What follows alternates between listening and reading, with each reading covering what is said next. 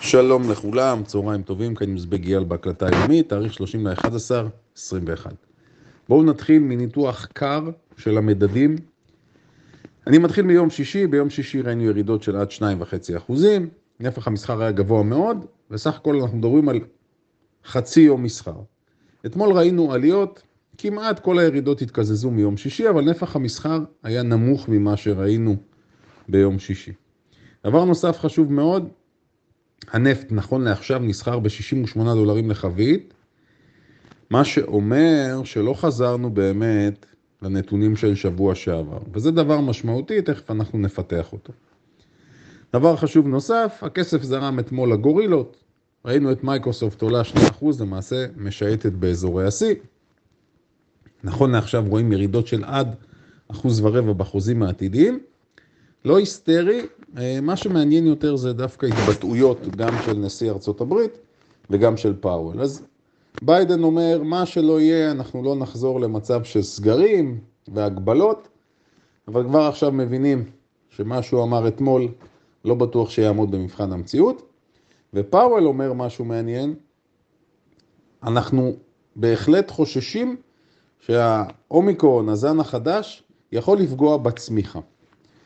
אז הוא אומר את זה, ואני ישר הולך וחושב, מה יהיה עם צמצום ההרחבה הכמותית, ה tapering של האג"ח, של רכישות האג"ח. לדעתי בימים הקרובים או בשבועות הקרובים אנחנו נשמע את הפד מכניס את הסיפור הזה להשהיה, כלומר הוא יעצור את צמצום רכישות האג"ח. זה מה שאני מריח שמתבשל פה. ניקח רגע פאוזה קטנה ונקפוץ ונסתכל על התמונה מכיוון אחר. אנחנו מדברים על זה שב-10-12 שנים האחרונות, למעשה מהמשבר הסאב פריים ב-2008, ראינו התערבות מסיבית מאוד של הממשלות, אנחנו נתמקד בארצות הברית. מה שאומרים, ופה אני לוקח את הנתונים ממחלקת המחקר של פסגות, מה שטוענים בפסגות, על סמך ניתוח שהם עשו, ש-40% מהעליות, אנחנו מדברים טרום קורונה, 40% מהעליות מיוחסות לפעולות של הממשל והפד. 40 שוב, תנסו רגע לחשוב, 40% ממה שראינו בשווקים טרום קורונה, כתוצאה מהפעולות של הממשל והפד. איפה זה ואיפה להגיד יש פה שוק בריא שעובד בצורה תקינה ובאמת המערכת בנויה להפליא. זה ממש לא קרוב לזה.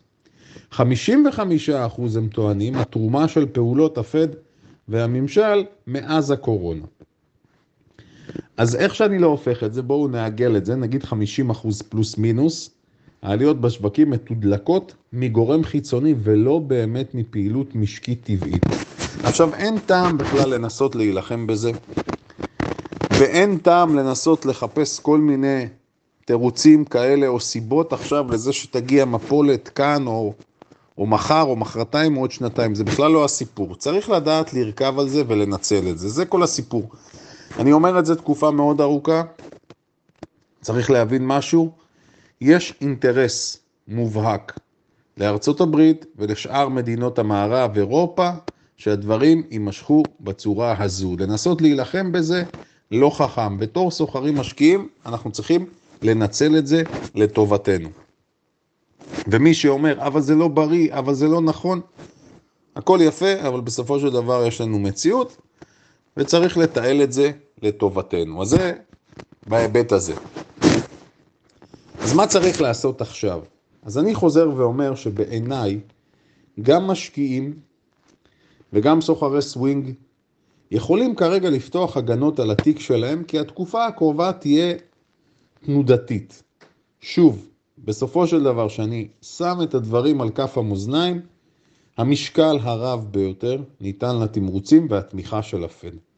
לכן כל מי שרואה קריסות ונבואות ארמגדון אני לא חושב כך, אפילו לא קרוב לכך. לדעתי, כל ירידה במדדים המובילים של עד עשרה אחוז, כן, או אפילו אולי טיפה יותר, נגיד עשרה, חמישה עשר אחוז, אנחנו נראה התערבות מיידית של הפד והממשל שידאגו להרים את השוק זה מה שאני חושב, זו הערכה שלי.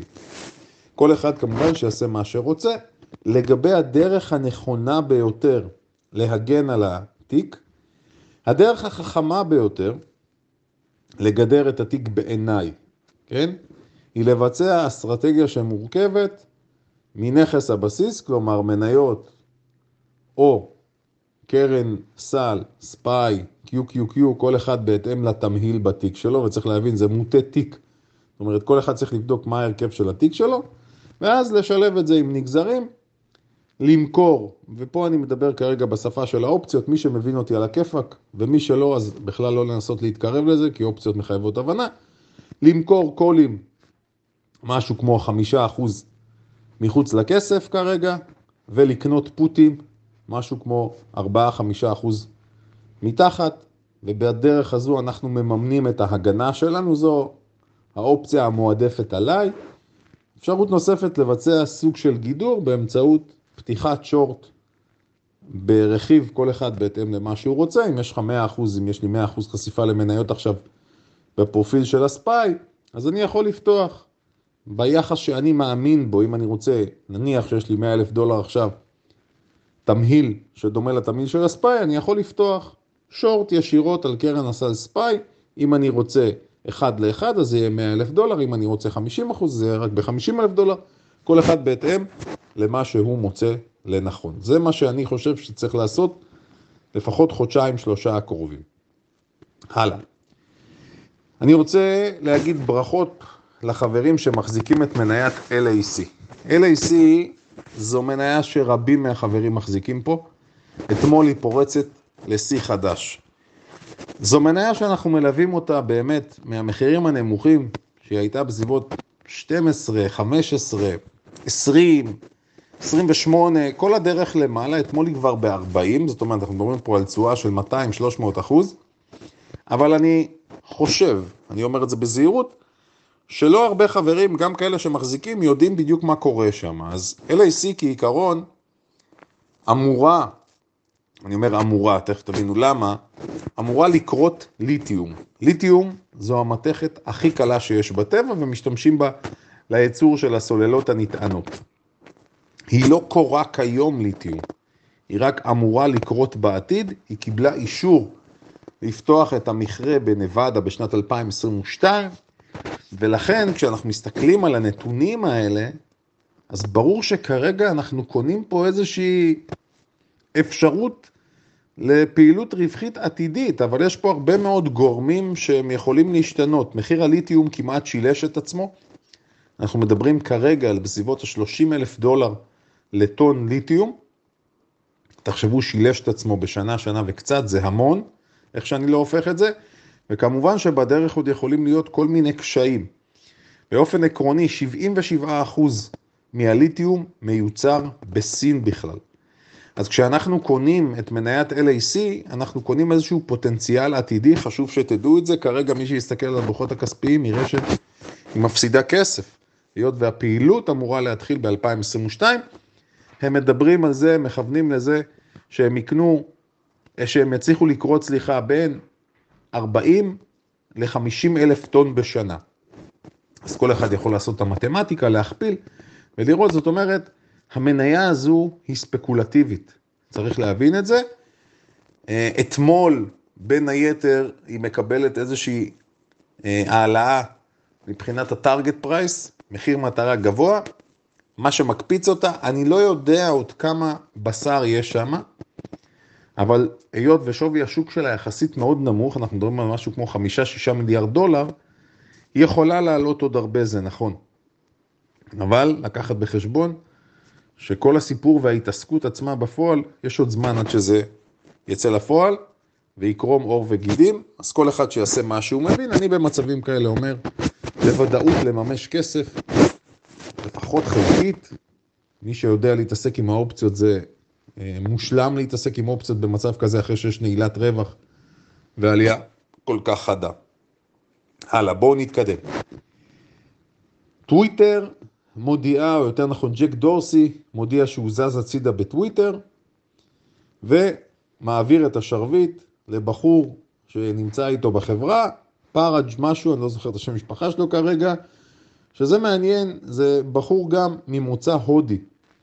שימו לב שיש לנו גם את uh, מנכ"ל מייקרוסופט וגם את מנכ"ל גוגל, שגם הם הודים. אני מציין את זה כי ניסיתי לחשוב עם עצמי אם גם פיצ'אי וגם uh, סנדר, אם הם... Uh, יש משהו מיוחד, זאת אומרת, שמגיע מהחבר'ה בהודו, והאם זה יכול להשפיע באמת על uh, מגמה שנראה בשנים הקרובות. זאת אומרת, האם החבר'ה האלה יש בהם משהו מיוחד, שברור שלהם לשלישייה הזאת יש, אבל האם זה משהו שאנחנו נראה שבא לידי ביטוי בהודו עצמה? זה בהחלט חומר למחשבה, זה מעניין. אז הוא זז הצידה, הוא זז הצידה שטוויטר נחתכת כמעט בחצי, בשיאה הייתה כבר באזור ה-80. אז האם זו בשורה טובה או לא? האמת, אני חושב שזו בשורה טובה, כי ג'ק דורסי, אתם יודעים גם, קשור ל Square, ל-SQ, ולדעתי באיזשהו שלב הוא כבר התעייף. אז יכול להיות שזה יכול להיות דבר חיובי, בכל מקרה רחוקה בערך 50% מהשיא, וכשאני מדבר על טוויטר אני תמיד מסתכל גם על סנאפצ'אט, וגם סנאפצ'אט ירדה משמעותית משיאה, אז אני מסתכל על שתי החברות האלה ביחד. האם יש פה פוטנציאל קנייה כרגע? עדיין מוקדם לדעת, אבל מי שמאמין בתהליכים ארוכי טווח, יכול להיות שזאת תהיה נקודת מפנה בטוויטר, אז בהחלט משהו שכדאי להסתכל עליו. עוד דבר לגבי מרנה. מרנה וביונטקס, תראו, מרנה, אחרי שהגיעה לשיא באזור ה-500, ירדה לאזור ה-200 ומשהו, קפצה בימים האחרונים, קפיצה משמעותית, אחד החברים כתב שהוא קנה אותה ב-270, אני מבחינתי, לגישתי לפחות, שמצליחים לקחת מהלך כזה מהיר במניה מסוגה, בהחלט צריך לממש כסף, כל אחד שיעשה מה שמבין, אבל אני רוצה להתייחס להתבטאות של מנכ"ל מודרנה, שהוא לא בטוח ביעילות החיסון שלהם נגד הווריאנט החדש. זה סיפור משמעותי מאוד, מה שהוא אומר, אבל איכשהו מטאטאים את זה. אז הסיטואציה כרגע, לפחות כמו שאני מבין, ופה אני רוצה רגע להכניס גם את הזווית האישית שלי. אני ביום שישי לקחתי את החיסון השלישי. המחשבה שלי הייתה שביום שישי, כי הבנתי שעד 48 שעות ישנן כל מיני תופעות לוואי. אז שישי שבת עברו בסדר, ביום ראשון הרגשתי קצת מוזר, אבל עדיין התאמנתי והכל היה בסדר, ופתאום אתמול בבת אחת נפלתי. פשוטו כמשמעו, לא יכולתי לזוז. היום כבר המצב הרבה הרבה יותר טוב, אבל ממש משהו קשה מבחינת התופעות. עכשיו פה אני רוצה לומר משהו, שוב, זו הזווית האישית שלי. אני יודע שיש חברים בעד ונגד החיסונים, יש כאלה שאומרים קונספירציה, כן בטוח, לא בטוח. אני רק משקף משהו מבחינתי. אם זה מה שאני הרגשתי ב-24 שעות, שהיו לא נעימות בלשון המעטה, לא יכולתי לזוז, מדובר רק שמי שלא חווה את זה, אז קודם כל טוב שלא חוויתם, אבל מדובר על כאבי שרירים, כאבי מפרקים, חום, בחילות, ומצב של השבתה מוחלטת, אי אפשר לזוז. סוג של, תנסו לחשוב רגע, אה, המפרקים כאילו חלודים, לא ניתן לזוז. עכשיו, זה 24 שעות, לא נורא, בסדר, אפשר לעבור את זה. אני מנסה לחשוב אם מישהו חולה בקורונה והדבר הזה נמשך תקופה ארוכה, אלוהים ישמור מה שעובר עליו. ולכן אני לא מקל ראש בזה, אני פשוט מספר פה ומעביר את החוויה האישית שלי, כדי להבין שיש פה משהו משמעותי, בין אם אתם מתנגדים או בין אם אתם בעד. יש פה סיפור משמעותי שמשנה גם דפוסי התנהגות, דיברנו על זה, ועכשיו אני חושב שזה שוב ייכנס ויבוא לידי ביטוי, הנושא הזה שבארצות הברית, אמריקאים שלקראת פרישה, סביר מאוד להניח שהם ירצו להאיץ את הפרישה ולא לחזור לעבוד. ודיברנו על הקשר ששוק ההון כרגע מספק פרנסה בשפע לכולם, אנחנו מדברים על עשרות אחוזים בשנתיים האחרונות, מה שגורם לתחושת העושר, ופה חייבים להבין, תחושת העושר בעיניי זה אחד הגורמים הכי משמעותיים למצב המשק. שאנשים מרגישים עשירים, שהם מרגישים שיש להם, ההתנהגות שלהם בהתאם. הם מוציאים כספים, הם עושים את זה גם בכיף, וזה בהחלט דבר שמביא לסייקל חיובי. אבל, ושוב פה אני חוזר לפתיח של דבריי, כשאנחנו מבינים שרוב הכסף הזה, בעצם זה כסף שמגיע בצורה מלאכותית, כאן כל אחד צריך לשאול את עצמו לאן זה לוקח אותנו. זהו להיום חברים יקרים, שיהיה מסחר מוצלח ומהנה, טיפ קטן. אני לא חושב שאנחנו נראה היום ירידה לנמוך של יום שישי. לא חושב שזה מה שיקרה. לדעתי יעצרו את זה, אבל אם נגיע לשם, אז זה סימן שלילי מאוד. אם המסחר יתנהל בצורה, נקרא לזה רגועה פלוס מינוס, אז לא צריך, אז אין סיבה מיוחדת לחשוש. זהו, ובהצלחה.